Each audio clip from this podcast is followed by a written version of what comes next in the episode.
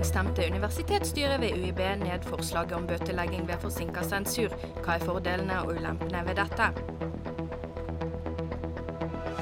Rektor ved UiB, Dag Rune Olsen, mener at man bør innføre obligatorisk utveksling. Er dette egentlig en positiv løsning?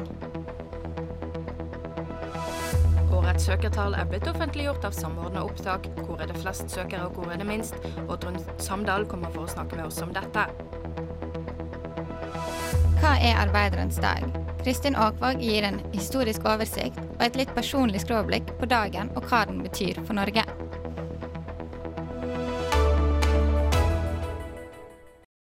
Dette er Nyhetsuka på Studentradioen i Bergen. Mitt navn er Kristin Aakvåg. Med meg i studio har jeg Stine Sofie Rivedal.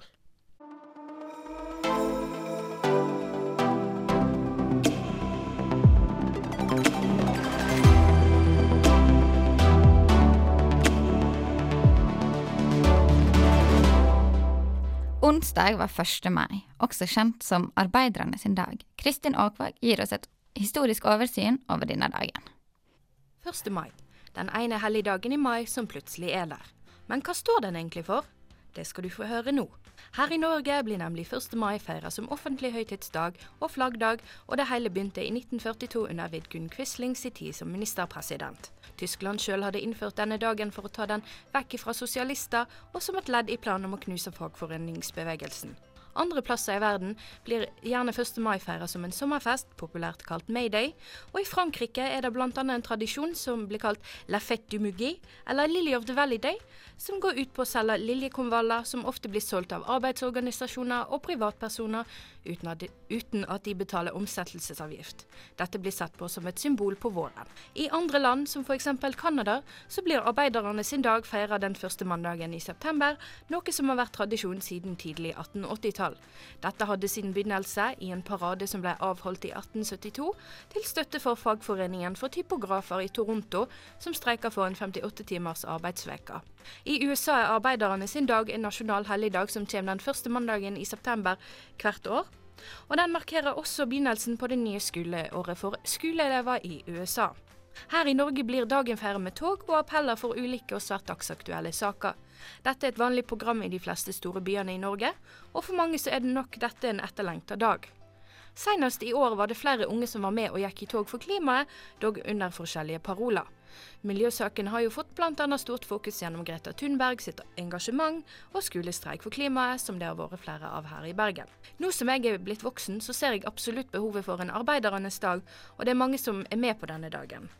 Men om du har fulgt med på nyhetene i det siste, så har du kanskje fått med deg Listhaus i 1. mai-tallet i Drammen, der hun gikk til angrep på venstresida fordi de vil legge ned den viktigste næra i Norge. Etter dette møttes hun og Bjørnar Moxnes fra Rødt, og det endte rett og slett med en stor krangel om ting de ulike partiene ønsker, men ikke har fått gjennomført, foran TV 2 sine kamera. Er det sånn det bør være på en dag som denne? Reporter her var Kristin Aakvåg. Du hører på Nyhetsuka. På Studentradioen i Bergen. Bøtelegging av forsinka sensur har lenge vært et tema for debatt. Forrige torsdag stemte universitetsstyret ned dette forslaget. Til tross for at rektor ved Universitetet i Bergen, Dag Rune Olsen, er for dette forslaget. For å diskutere dette har vi med oss leder for studentparlamentet, eh, Nikolai Klæbo, og professor og medlem i universitetsstyret, Alf Erling Riise. Velkommen. Takk skal du ha. Ja, Klæbo, hvorfor mener du man bør bøtelegge universitetet ved forsinka sensur? Dette her handler om at uh, forsinket sensur er, en, uh, er, et lovbrudd. Studenter har en lovfestet rett på at de skal motta sensuren sin senest 21 dager etter at de har, uh, avlagt, etter at de har levert eksamen, altså som, som hovedregel. og nå har vi ved Universitetet i Bergen jobbet knallhardt med dette her i årevis, og vi har ikke klart å få tallene ned til et tilfredsstillende nivå. Bøtelegging av forsinket sensur har hatt god effekt de stedene hvor de har prøvd det. NTNU før fusjonen. Eh, Ås, eh, Tromsø, eh, for å nevne noen. Ja, Risa, du har jo eh, sagt deg uenig i dette. Hvorfor skal, eh, skal man ikke ha bøtelagt eh, sensur? For meg framstår det som en byråkratisk ordning som jeg iallfall ikke gjennom saksforlegg og diskusjonen i styret ble overbevist om at, at det ville kunne forventes å ha en god, en god, virkning for Universitetet i Bergen. Jeg hadde noen andre forslag som jeg nevnte i styremøtet. Det kan vi eventuelt komme tilbake til. Mm. Klæbo, eh, skal universitetet betale for denne bøtelegginga? Altså Det vil jo da bli en form for intern bøtelegging. Det som ble foreslått i, sak, i sakspapirene, er det at Læringsmiljøutvalget, altså et av de lovpålagte organene som universitetet skal ha, skulle da motta bøtepengene og bruke de til tiltak som bedret læringsmiljø. Så pengene da ville fortsatt blitt værende igjen inne på, inne på fakultetet, men fakultetene, som da også står ansvarlig for eh, disse lovbruddene, ville da måtte ta penger av egen lomme og betale til et annet del av universitetet. Risa, har du noen tanker om det Klæbo sier nå? Ja, altså, altså, Det jeg er enig i, er at det er en alvorlig sak at det der foregår lovbrudd på, på universitetet. Og dette for sent sensur er et lovbrudd. Det er klart. Så vi må gjøre noe med det. Men det er jo i denne saken som i andre saker at vi kan ikke si we have to do something. This is something. Let's do it. Eh, vi må prøve å gjøre noe som vi har tro på kan ha, ha, virkning. Og det er jo klart at det å flytte penger fra en plass på universitetet til en annen plass på universitetet, er ikke veldig imponerende som insentivmekanisme for meg som er samfunnsøkonom. Klabo. Ja, og det, det, her problemet ligger er at Universitetsstyret kan ikke sitte og si at vi skal gjøre noen ting, og da legge til grunn at ingenting er gjort. Det er det som er problemet med hele den saken her. Vi har prøvd absolutt alt. Vi har jobba i årevis med dette her. Altså, som, som, rektor også sier, altså, man prøver alt, har prøvd alt. Man får det ikke ned på et tilfredsstillende nivå. Da må vi ta grep. Og det er universitetsstyrets ansvar å faktisk ta de grepene da, når det har gått så langt som det har gått nå. Og det gjør ikke universitetsstyret, og det syns jeg er problematisk. Ifølge loven så er det universitetsstyret som har det øverste ansvaret for at universitetet faktisk følger de lover og regler som gjelder. Det mener jeg ikke universitetsstyret gjør i denne saken her. Eh, Risa, rektor Dag Rune Olsen eh, er jo for dette vedlegget, men allikevel så stemte universitetsstyret det ned. Hva, hvorfor tror du det? At de går imot eh, rektor? Jeg tror vel at universitetsstyret heller ikke var særlig imponert over rektor sin argumentasjon i denne saken. Eh, det som, det som jeg kunne tenke meg, og, og, som jeg nevnte i møtet, det er jo å gå inn på mer direkte insentivordninger, som er retta direkte mot de som fatter beslutninger, istedenfor å ha indirekte byråkratiske ordninger, som ble foreslått her. En måte å gjøre det på er å nedfeste i universitetets eh, lønnspolitikkplan at eh, det å levere sensur i tide er en del av arbeidsoppgaven som er så viktig at det vil bli lagt vekt på når en ser på eh, de eh, årlige eh, lokale lønnsforhandlingene. Det er jo klart at det vil jo både motivere den enkelte vitenskapelige ansatte, som sitter og har direkte ansvar for, for å gjennomføre sensuren, og det ville òg motivere instituttledere, som òg kunne blitt vurdert ut fra den rekorden de har på dette feltet. Klabo. Ja, igjen, altså Jeg ser jo ikke dette her som noe annet enn altså Det er jo et forslag med, med pisk fremfor gulrot. Dette her på samme måte som bøtelegging være på motsatt side. Jeg ønsker også å legge til at Utdanningsutvalget, altså det rådgivende organet for utdanningssaker, der hvor alle utdanningsdekanene, altså representantene som har hovedansvar for utdanning eh, ved fakultetene, anbefalt universitetsstyret med fem mot to stemmer. Så altså vi har en samlet studentmasse. Vi har fem av sju fakulteter og et rektorat. Da er det for meg utrolig at universitetsstyret kan stemme imot i den saken her. Vi prøver av og til å tenke sjøl. eh, ja, nå har du sagt litt om det, da. Men eh, direkte tanke om eh, dine tanker rundt at universitetsstyret stemte det nei? Nei, jeg var, jeg var jo inne på nå. Jeg, syn, jeg syns det er skuffende. Eh, og jeg opplever da at man ikke tar denne problematikken så på alvor som jeg mener at man burde gjøre. Altså, som jeg har vært inne på tidligere, så er dette et problem som har gått veldig lenge. Og når denne saken kommer opp i universitetsstyret Altså universitetsstyret de behandler ikke tull og fjas, for å si det sånn. Det er viktige, store saker som kommer opp i universitetsstyret. Og da mener jeg også at universitetsstyret må forstå alvoret her. Og i hvert fall da når vi også kan dokumentere at disse tiltakene her har effekt. Og Da syns jeg synd at ikke universitetsstyret faktisk da tar også lytter til ja, hele resten av universitetet når de skal fatte den avgjørelsen her. Eh, Risa, forrige vår så var jo det eh, rundt 1600 studenter som var rammet av eh, forsinka sensur. Hvorfor klarer ikke universitetet å levere sensur til den fristen som er satt? Det er nok fordi universitetet ikke har tatt det alvorlig nok. Og det er helt klart at det er mulig å gjøre ting for å få universitetet til å ta dette mer alvorlig. Nå ser jeg jo òg at det er ganske stor forskjell mellom fakultetene. Det kan hende at det har med at det er forskjellige eksamensformer, men det kan òg hende at det har med å gjøre at det er forskjellig kultur for å være forsinka. Og det er jo klart Denne typen forsinkelser kan vi ikke ha så mange av når, når det er lovpålagt at vi skal levere i tide. Eh, Klæbo, eh, nå fikk jo du et nederlag i universitetsstyret forrige torsdag. Eh, vil du fortsette kampen for bøtelegging av forsinka sensur? Jeg vil fortsette kampen for å tutte ut forsinket sensur i det hele tatt. Om det så er bøtelegging, eh, sånn som vi per dags dato ser som den eneste mulige løsningen, da blir det jo det. Men poenget er her jo ikke bøtelegging. Poenget er, er at studentene har en lovfestet rett som i dag ikke blir oppfylt. Altså, Min og resten i studentparlamentets ønske er jo at det ikke skal bli delt ut en eneste bot. Det er det som er målet her. Fordi at alle skal få sensuren sin på, på, på rett tid. Altså Premisset som legges til grunn, er at man skal bryte loven, istedenfor at man legger fokus på at Nei, er, målet er jo faktisk at, at, ingen skal få en bot, og ingen skal få forsinket sensur. Da er alle fornøyd. Ja. Risa, hva tenker du om dette? Ja, nei, jeg, jeg syns at det er, det er et um et veldig omfattende og i og for seg interessant forslag som ble, som ble lagt på bordet. Uh, nå er det jo ikke mange uker siden, og det var jo flere i styret som sa at vi er nødt til å fortsette å jobbe med denne saken, slik at vi får gjort noe med det. Og, jeg tenker jo da at uh, i stad så oppfatta jeg litt slik at du mente at, at dette botsystemet var et gulrotsystem. Mens det jeg nå foreslo var, var pisk. Men jeg har vel inntrykk av at det er litt pisk i begge deler her. Ja, og det er det som er poenget mitt. Eh, ja, hvis det er oppfattet, så er ikke det meningen. Det er det som er poenget. Begge to, Jeg ser ikke at den ene løsningen er bedre enn den andre, bortsett fra at det er et internt system.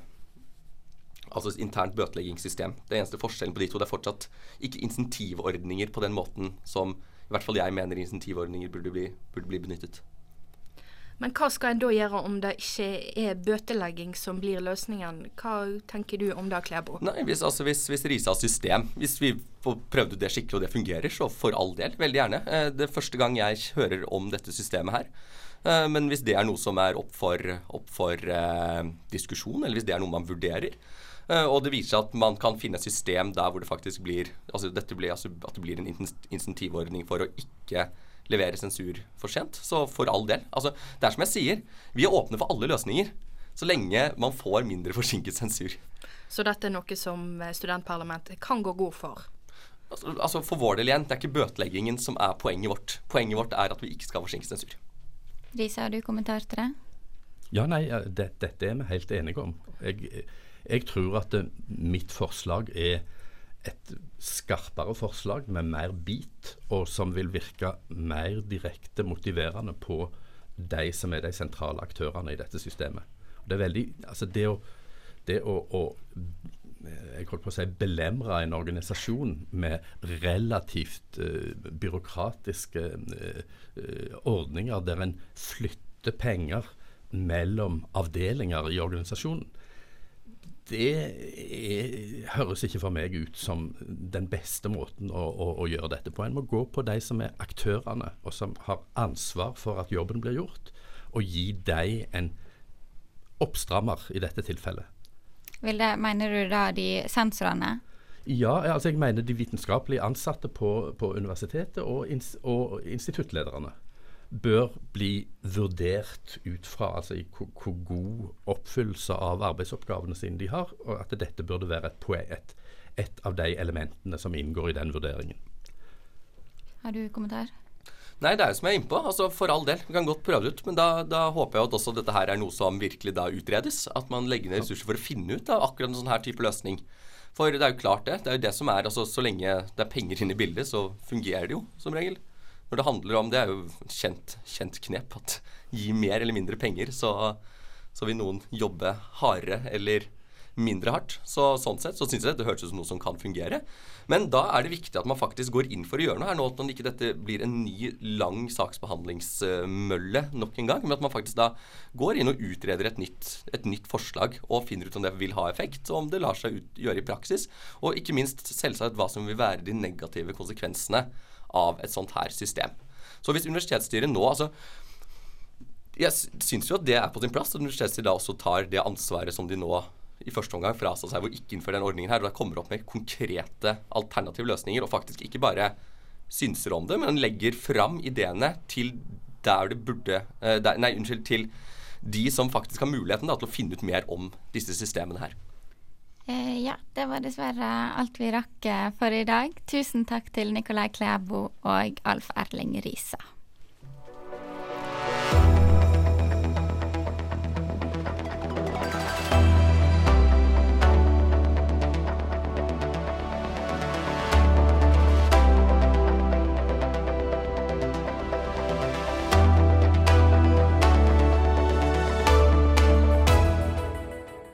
Kunnskapsminister Iselin Nybø har nylig vært i Bergen for å få innspill til en ny stortingsmelding om studentmobilitet.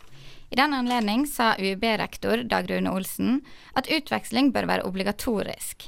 Studentparlamentet ved UiB har sjøl vedtatt en resolusjon om at man heller må melde seg av utveksling framfor å melde seg på.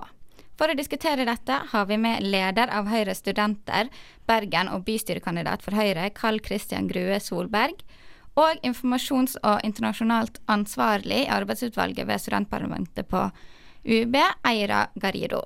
Velkommen. Takk for det. Ja, eh, Garido, Garrido, hvorfor er det viktig at studenter drar på utveksling? Vel, nå kan jeg snakke fra eh, to perspektiv. Jeg har selv vært på utveksling og hadde et veldig godt utvekslingsopphold. Lærte mye. Og eh, hadde det egentlig veldig kjekt, både faglig og sosialt. Og eh, med Oppdate da, vil jo eh, institusjonen også tilrettelegge for at eh, alle skal kunne dra på utveksling, og at eh, det rett og slett eh, går smooth til. Så da å dra på utveksling vil ikke bli en hindring. Så det er jo en utrolig, utrolig unik mulighet man har og eh, ja, jeg tenker at eh, fra mitt eget perspektiv som tidligere utvekslingsstudent og eh, som internasjonalt ansvarlig, vil jeg da oppfordre alle til å bruke denne muligheten man har til å få internasjonal innsikt og god, et godt sosialt semester eller to. Mm. Eh, Solberg, mener du at utvikling Nei, unnskyld. Utveksling ikke er viktig? Nei, uh, Utveksling er selvsagt uh, viktig. og det er klart at uh, I en stadig mer globalisert verden og sånn, så må vi selvfølgelig forholde oss til hverandre. og Jeg er helt enig i at det er veldig mange gode ting med utveksling.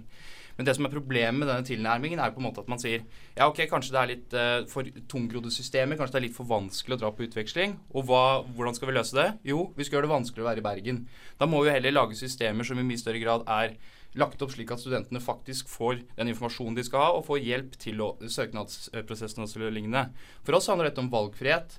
Jeg, kan egentlig ikke forstå at det skal være så fryktelig eh, viktig å begrense studentenes valgmuligheter. fordi hvis studentene velger å være i Bergen, så må vi stole på at det er det riktige for den enkelte student. Og så må vi selvsagt oppfordre flest mulig til å dra på utveksling, for det er veldig bra.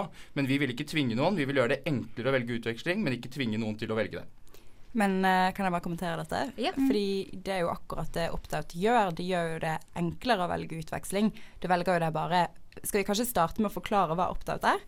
Ja. Det er jo en automatisk avmelding av uh, utveksling. Det er som om du logger inn på studentweb og du har muligheten til å melde deg opp til fag.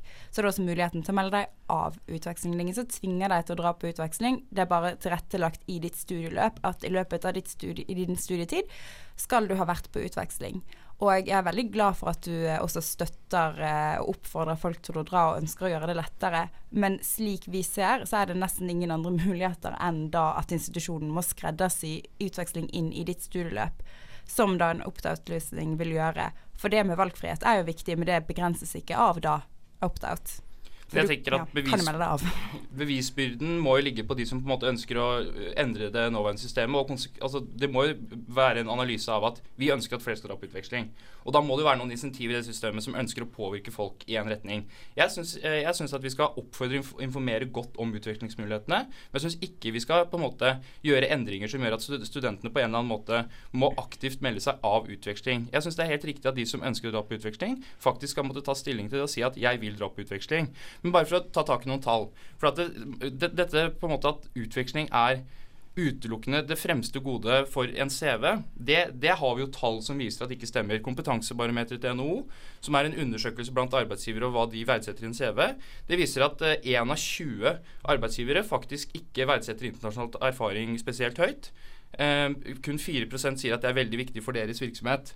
Så hvis man skal på en måte gjøre det enklere for studentene å få jobb f.eks., så er det mye bedre å innføre obligatorisk praksis undervisningen. Så det er flere andre tiltak vi kan gjøre for å gjøre studentene mer relevante, men for oss er det helt uaktuelt å snevre inn noen form for valgfrihet. For å snakke videre om utveksling da med Opt-out, da, så er jo det flere muligheter. Altså Opt-out byr jo bare på en verden av eh, ja, muligheter og eh, forskjellige ting man kan gjøre med opt-out. F.eks. praksis i utlandet. Jeg skjønner jo det at eh, relevans for arbeidslivet er viktig, og at eh, jeg syns det er veldig rart at en, eh, en som ansetter ikke setter veldig pris på at en, en person har eh, vært eh, utfordret seg selv, reist på utveksling, lært et nytt språk, lært en ny kultur. Det er litt rart for meg å forstå at det ikke verdsettes, men ja, uansett, eh, tallene sier jo det tallene sier.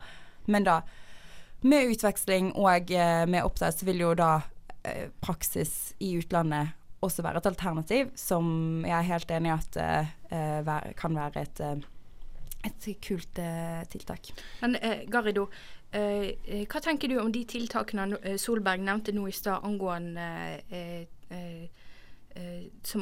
angående de tiltakene som kan gjøres i framfor å sende studenter på utveksling?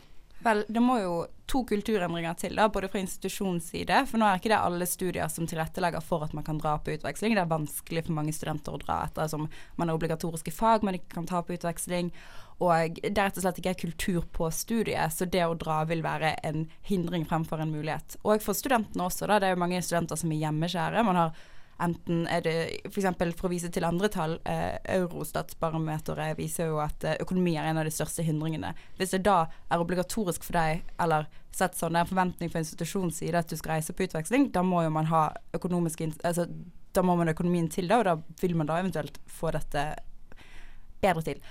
Og eh, ja, to kulturendringer, både institusjonen og for oss studenter. For vi er nødt til å gjøre utveksling til en norm heller enn en, eh, en, eh, en spennende ting. For eh, vi reiser jo på ferier i hytt og pine. Det er å dra til Spania nå er jo ikke eksotisk i det hele tatt. Det å reise på utveksling er jo For meg var det et veldig naturlig valg, men for andre kan jo det være ja, ikke det. Så det ja, to Solberg, du hadde kommentar? Ja, fordi eh, jeg, det er ikke noen sånn store uenigheter her å spore. på en måte. Vi, jeg er helt enig at for mange så vil eh, utveksling være et riktig og et godt alternativ. Men eh, for meg så blir det litt for mye synsing da, når arbeidsgivere på en måte sier at det viktigste for oss er praksis. Så hvis vi på en måte som institusjon, da, universitetet, skal gå ut og si da at ja, vi syns det er så viktig med utveksling at vi syns at studentene skal prioritere det over noe annet. F.eks. å bli værende i Bergen hvor man har en stabil jobb, f.eks. Og når arbeidsgiverne, da, de som skal ansette oss etterpå, sier at nei, for oss er det mye viktigere med arbeidserfaring, så har jeg jo veldig store betenkeligheter ved at på en måte institusjonen tar et eh, synsebasert eh, valg på bekostning av de tallene vi faktisk vet foreligger. Og når man i tillegg da begrenser, sånn vi ser det, studentenes valgmulighet, og sier at vi vet bedre enn den enkelte student, da er selvfølgelig vi imot. Men det er jo litt sånn eh, Jeg skjønner jo hva du mener, og jeg skjønner jo at vi egentlig også er ganske enig. For eh, det at eh, man ønsker at studenter skal ha muligheten til å være mobile og eh, ja, ha selvutvikling og et fint semester eller to, det er jo ganske sjeldent at vi møter mennesker som er imot da utveksling. Men den valgfriheten er jo det kanskje Eller den måten å dra ta valget på, da, er jo det vi egentlig så sett er uenig i. For jeg synes jo det er veldig flott at du trekker fram at en, eh, en, eh, man skal ivareta interessene til hvem som da skal ansette deg i fremtiden. Men samtidig så er det ett semester eller to, og utveksling det har så mange verdier, selv om kanskje den. Altså det er kanskje ikke det som eh, eh, man fremhever mest på, på CV-en, men det vil være en, en ting du kan fremheve med deg og ta med deg videre i livet. Og da å ha den muligheten da, som opptatt vil gjøre at alle kan dra på utveksling, og så kan du heller da bare melde deg av om det ikke passer så bra. Du ønsker heller å jobbe den jobben du har i Bergen, du ønsker heller å ha praksis. Forhåpentligvis altså med opt-out så vil jo ikke opt-out begrense muligheten til å ta praksis på et senere tidspunkt, for det vil da uansett være integrert sammen med eventuelt en praksismulighet. Absolutt, utveksling er bra, og de som ønsker å dra på utveksling, skal få muligheten til det. Men det er, det er på sin plass å sende et lite spørsmålstegn i retning, retning av rektoratet da, og det vedtaket som de faktisk har fattet. Hva er det dette vil innebære? Eh, jeg- skulle gjerne hatt de i studio for å oppklare det også, for så vidt. Og hvis de kan garantere at det ikke vil bli vanskeligere å eh, melde seg av, eh, melde seg av utveksling, så er det jo veldig rart. Hva er det vi egentlig skal endre? Så det er det som er litt komplekst der. Vår tilnærming Vi mener at hver enkelt student må få velge selv. Og vi mener at de tallene vi har, viser at uh, praksis f.eks. er viktigere for arbeidsgiver enn utveksling. Da vil vi heller foreslå obligatorisk praksis f.eks. Og det syns jeg også, å ha en praksis eh, med en opptaksløsning høres jo helt magisk ut i mine øyne også. Men uh, likevel så jeg Hører ikke øyne, jeg hører ikke med øynene.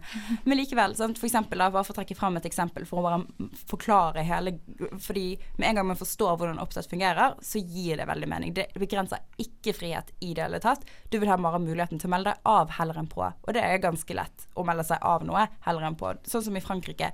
Der er jo det obligatorisk at Eller der er man automatisk en organdonor, om ikke du da velger å melde deg av som organdonor. Jo da, jeg må bare understreke at det er ikke det at vi ikke har forstått forslaget, det er bare at vi er så opptatt av valgfrihet at vi er skeptiske. Men da skjønner jeg ikke hvordan den valgfriheten eh, blir begrenset med å melde seg av heller enn på. Det er jo akkurat det samme da i så fall. Ja, ja altså, men da kan jo jeg stille tilbake hvorfor skal du gjøre endringene i det hele tatt? Fordi det gjør at flere drar på utveksling. Ja, nettopp. Du prøver å styre valgene til den ja, men enkelte ikke student. bare, Nei, nei, nei. Det er bare Jo at nei, det legger press på institusjonen, ikke på studentene. At studentene må ikke tilrettelegge for å dra på utveksling. Universitetet må tilrettelegge for at du skal kunne dra på utveksling. Det er jo det det legger press på, egentlig på universitetet, ikke på studenten. Men poenget er at dere sier at utveksling er bedre enn f.eks. det å jobbe, og det er praksis. Og det er, i, det er i motsetning til de tallene vi har. Har- så hvis, hvis men- noen skal begrunne at er så, nei, at uh, utveksling er så viktig, at det skal begrunne og innsnevre valgmulighet, så er vi fullstendig avhengig av å ha noe tall å basere det på, ikke bare synsing. Ja, vi har aldri sagt at vi tar eh, praks, eh, opptak over praksis. Det har vi aldri, aldri sagt. Vi i studentparlamentet har vedtatt en resolusjon. Det samme har Norges studentorganisasjon og rektoratet har gått ut og vært positiv til en opptatt-løsning. Og har nå tre pilotprosjekter. Så vi kan jo se da F.eks. etter disse tre pilotprosjektene om hvordan, hvordan resultatet tilsier. Funket det? Dro flere på utveksling eller ikke?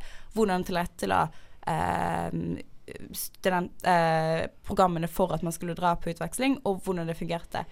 For eh, vi vil aldri si det ene over det andre i den forstand. Men, eh, Garido, eh, jeg lurer på, eh, må man ha særskilte grunner for å melde seg av? Nei, nei, nei. Ikke i det hele tatt. Det er det som er det magiske. Altså, det er som om, om du eh, Enten så trykker du bare at du ønsker å ta det et annet semester. Du vil bare ha den muligheten til å melde deg av. Du, du velger helt selv.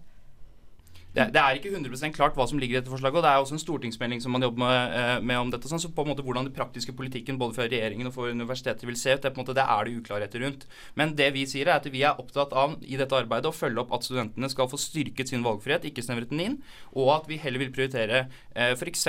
praksis som er viktigere for arbeidsgivere, selv om vi selvfølgelig oppfordrer alle til å dra på utveksling av de som ønsker det. Jeg, er, jeg kjenner veldig mange som har eh, nytt, eh, nytt veldig godt av det, og jeg tror det er en bra ting. Men ikke på bekostning av andre ting. Garido? Og til den stortingsmeldingen har jo vi da også sagt at opptatt er noe studentene på UiB ønsker, men også praksis med gjerne en opptatt-løsning. Så da får vi eventuelt best of both worlds da, hvis vi eh, blir hørt i denne stortingsmeldingen. Hvis man melder seg av utveksling eh, tidlig i studieløpet, eller der det er lagt inn, må man da eventuelt ta utveksling seinere i studieløpet? Igjen, dette er helt valgfritt. Om du ikke ønsker å dra på utveksling, så bare melder du deg av utveksling. Og du trenger ikke Det er ikke sånn at du aldri får fullført en bachelorgrad eller eventuelt en grad i det hele tatt hvis du ikke har vært på utveksling. Det er bare med å erstatte det med fag du kan ta her på institusjonen, altså UiB. Det som også er positivt med Eller nå snakker jeg fra UiB, da, siden jeg sitter i studentparlamentet ved UiB. Men det som også er positivt, da, er jo at uh, dette legger et press på institusjonen også til å ha internasjonalisering på hjemmebane. Hvordan man eventuelt har fag her på UiB man kan erstatte, da. Så kan det kanskje gi en lignende erfaring eller eh, kvalitet, da. Ja, altså eh, Dersom man får til eh, løsninger som på en måte bedrer det faglige tilbudet osv., så, videre, så er vi utelukkende positive til det. Men eh, jeg, jeg, tror ikke jeg er den eneste som på en måte tenker at her, hvis man skal gjøre en endring, så, så er det en eller annen intensjon om å få til en endring. Og i den, i den, prosessen så er vi veldig opptatt av å følge opp og styrke studentenes valgfrihet.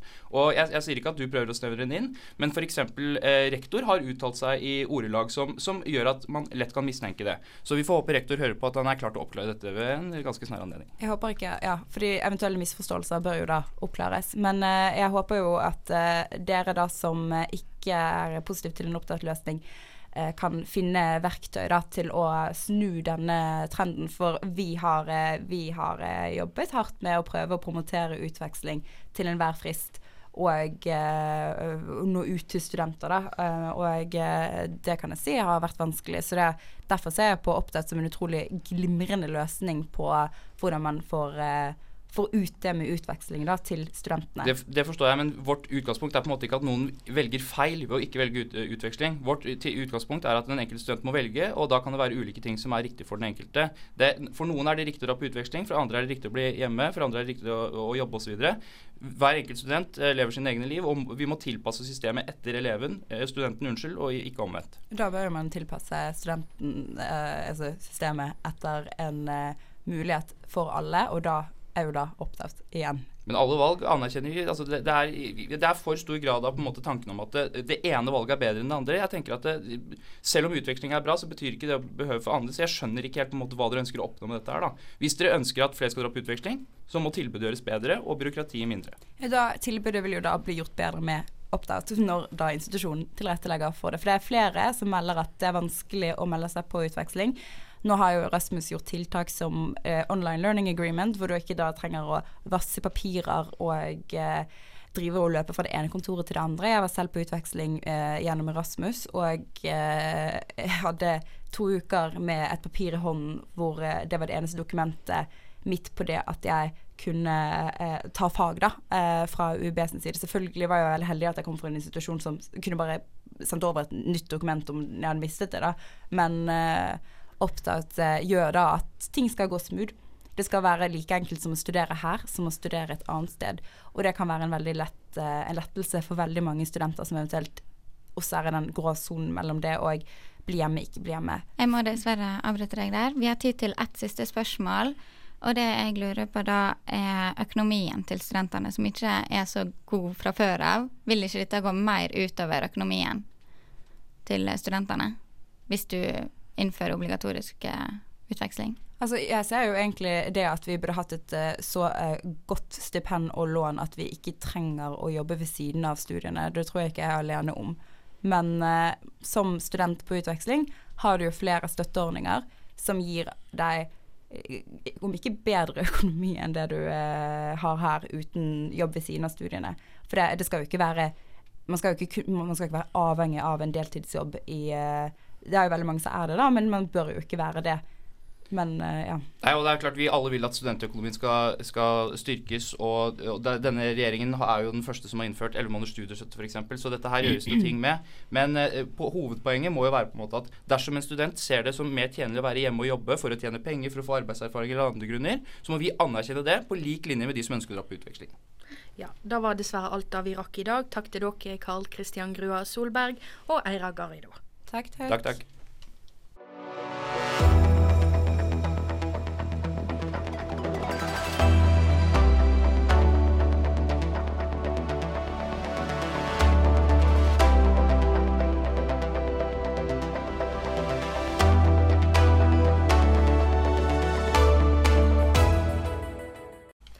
Samordna opptak har publisert årets søkertall til høyere utdanning.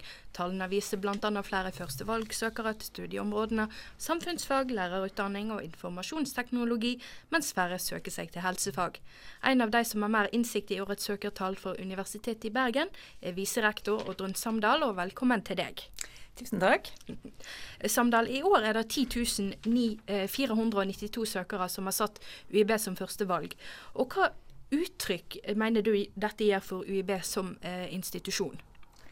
Vi ser jo på det som at vi er en attraktiv eh, utdanningsinstitusjon. og eh, Det har vært litt nedgang i eh, søknaden til høyere utdanning i år, mens Universitetet i Bergen vi har opprettholdt søkertallet vårt jevnt over. Så vi tenker at vi konkurrerer veldig godt. Mm. Rettsvitenskap ved UiB i år er jo som i fjor blitt det studieprogrammet i Norge med flest førstegangsvelgere. Hva skyldes dette? Hvorfor er det er så interessant og spennende for fremtidige studenter? Ja, For det første så gir det jo attraktive arbeidsmuligheter. Men jeg tror at uh, rettsvitenskapsstudiet ved Universitetet i Bergen har med rette fått et veldig godt uh, rykte nasjonalt. Og det er, er, attraktivt å komme her fordi en vet at en får en uh, god utdanning som gjør en konkurransedyktig på markedet. Og utdanningen er god fordi at studentene får tett oppfølging. Eh, og de jobber kontinuerlig med, med, case i arbeidsgruppe under veiledning av viderekomne studenter. Så møtes de i større gruppe og har tett veiledning òg med de vitenskapelige ansatte. Så kombinasjonen av det at en jobber med stoffet gjennom hele semesteret, i tillegg til at en får litt påfyll gjennom eh, forelesninger, tenker jeg at eh, studentene de, de, jobber med faget sitt, og de får tilbakemeldinger på sin egen utvikling. Eh, sånn at de, de, er veldig godt forberedt når de kommer til sine eksamener, og gjør det òg godt på sine eksamener. Mm. Eh, har UB gjort noe aktivt for å gjøre eh, rettsvitenskap så populært? Som før eh, samordna opptaksfristen er 15.4? Nei, vi gjør ikke noe spesielt faktisk for uh, rettsvitenskap. Og det handler om at uh, studiet har etablert seg med et veldig godt rykte. Men uh, fakultetet har jo gjort mye med studiet over lang tid og brukt utviklingsressurser inn der. Og ikke minst så knytter de til seg en pedagog som jobber med det over lang tid i omleggingen fra det studiet som var for 15-20 år tilbake. Eh, og de har brukt tid nå de, de siste årene på, på, denne utviklingen. Så det er en aktiv innsats fra fakultetet sin side, det som de har fått til med dette gode studiet de har på plass. Mm. Ja, eh, Populariteten til jussen har jo også ført til at snittet for å komme inn har jo økt. Har eh, dere noen planer om alternative opptak eh, i nærmeste framtid for studieprogram med høye snitt? Mm. Ja, som institusjon så er jo det noe som vi diskuterer. Eh, men først og fremst så er det jo noe som eh, fakultetene må ta stilling til. Og, og, det som er klart en utfordring for rettsvitenskap og noen av eh, de andre profesjonsutdanningene der vi òg har stor konkurranse om å komme inn, og dermed store, høye karakterkrav, er jo arbeidsinnsatsen som kreves ved alternative eh, opptaksformer. Men vi vi diskuterer om vi bør ha mer sånne type egnethetstilnærminger. Det å bruke intervju. Eh, som institusjon så har vi vært opptatt av at kanskje vi i større grad for alle studiene våre burde bruke et motivasjonsbrev. Ikke nødvendigvis for å gi ekstra poeng, men for å, å tydeliggjøre studentene sin eh, motivasjon for det studiet som de blir tatt opp på. Mm. Eh, medieprogrammene som journalistikk og medievitenskap og sånt jo, er jo òg veldig i vinden for tiden. Vi må jo ikke glemme de. Eh, hva er grunnen til det? Hvorfor er de så i vinden? Ja, og igjen så er det jo fagmiljøene som har eh, gjort en, en, stor innsats med å legge om studieprogrammene. Og den omleggingen kom jo i tilknytning til at vi er blitt del av Media City i Bergen. Og eh, der inngår da de eh, reviderte og fornya studieprogrammene våre. Og det som er tenker jeg, hovedfornyelsen, er bl.a. en mye tettere, et mye tettere samarbeid med praksisfeltet. Både at studentene får praksis i mediebedriftene som er der, og at representanter fra mediebedriftene kommer inn og er del av eh, undervisningen. Og der en har òg eh, lagt opp til å, å, å være, mer eh, adressere innovasjon og innovasjonsutvikling, sånn at en er helt tett på hva er det bransjen trenger, og òg kan være med å eh, utvikle bransjen gjennom den kompetansen som en får som eh, student, eh, og i det samarbeidet som en blir dratt inn i med, med forskning knytta til eh, innovasjonsutvikling. Er det det at eh, mediet sitter, ser, det blir sett på som litt eh, prestisje å få f.eks. praksis, eller å ha det som tilknytning til UiB? Ja, jeg tror absolutt at det oppleves som, eh, som attraktivt å, å, være del av eh, Media City. Men, men jeg tror òg denne omleggingen og, og, det at studentene er aktive i sin utdanning og jobber tett inn òg i forskningen, gjør at studieprogrammene er, er, attraktive. Så det er mer enn en praksisutdanning. Det er òg en veldig sterk teoretisk uh, utdanning som gjør at studentene står sterkt når de kommer ut i arbeidslivet. Mm. Eh, sånn, samme spørsmål som gikk på det med jussen og rettsvitenskap. Dere, hvordan har dere promotert dette til fremtidige studenter? Eller de som har søkt nå i år? Mm for medievitenskap, da? Ja, ja da. Eh, altså vi, eh, vi, har nok eh, lagt vekt på å synliggjøre at vi er del av, av Media City og denne eh, omleggingen. Men igjen så tenker jeg at det er, det er nok òg slik at uh, disse studieprogrammene nå har uh, satt seg med et, et, godt rykte, og at det gode ryktet går foran og er, er med den, i denne rekrutterings... Uh, Eh, biten. Det er ikke alltid at der vi legger inn ekstra rekrutteringsinnsats, er der vi får eh, flere søkere. Så, så, her er det det faglige innholdet som står veldig godt på egne bein. Mm. Eh, mannlige eh, førstegangssøkere til profesjonsutdanningen i psykologi får jo førstegangs eh, kjønnspoeng. Hva er hensikten bak dette tiltaket?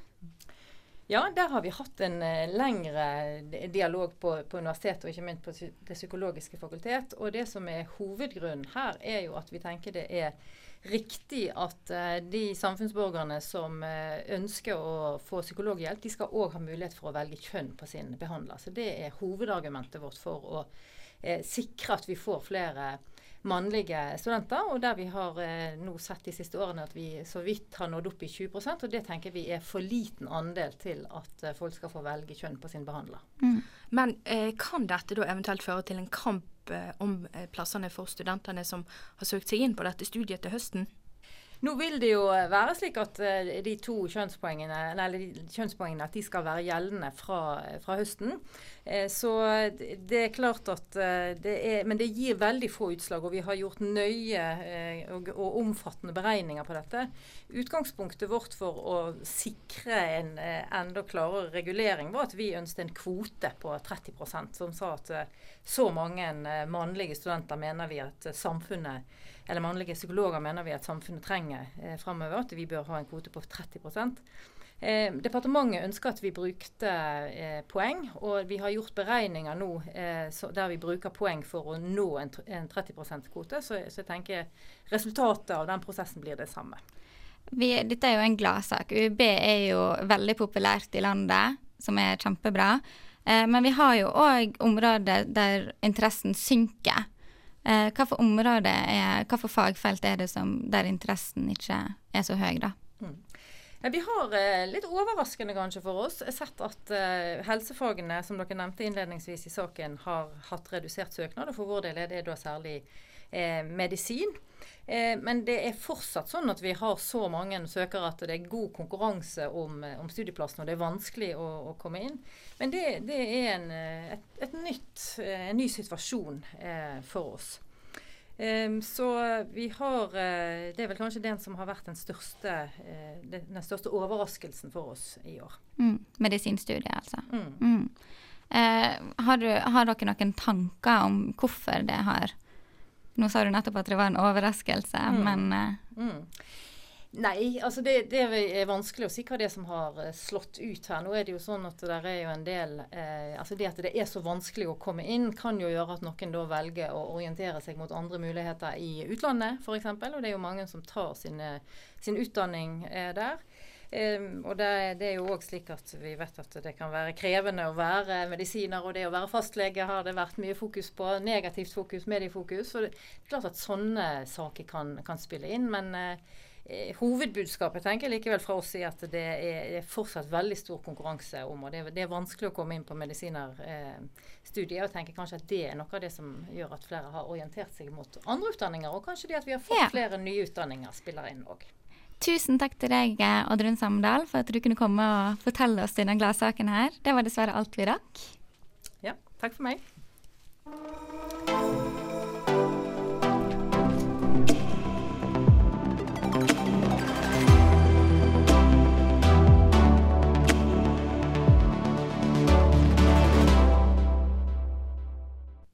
Var alt vi hadde i denne utgaven av Nyhetsuka her på Studentradioen i Bergen.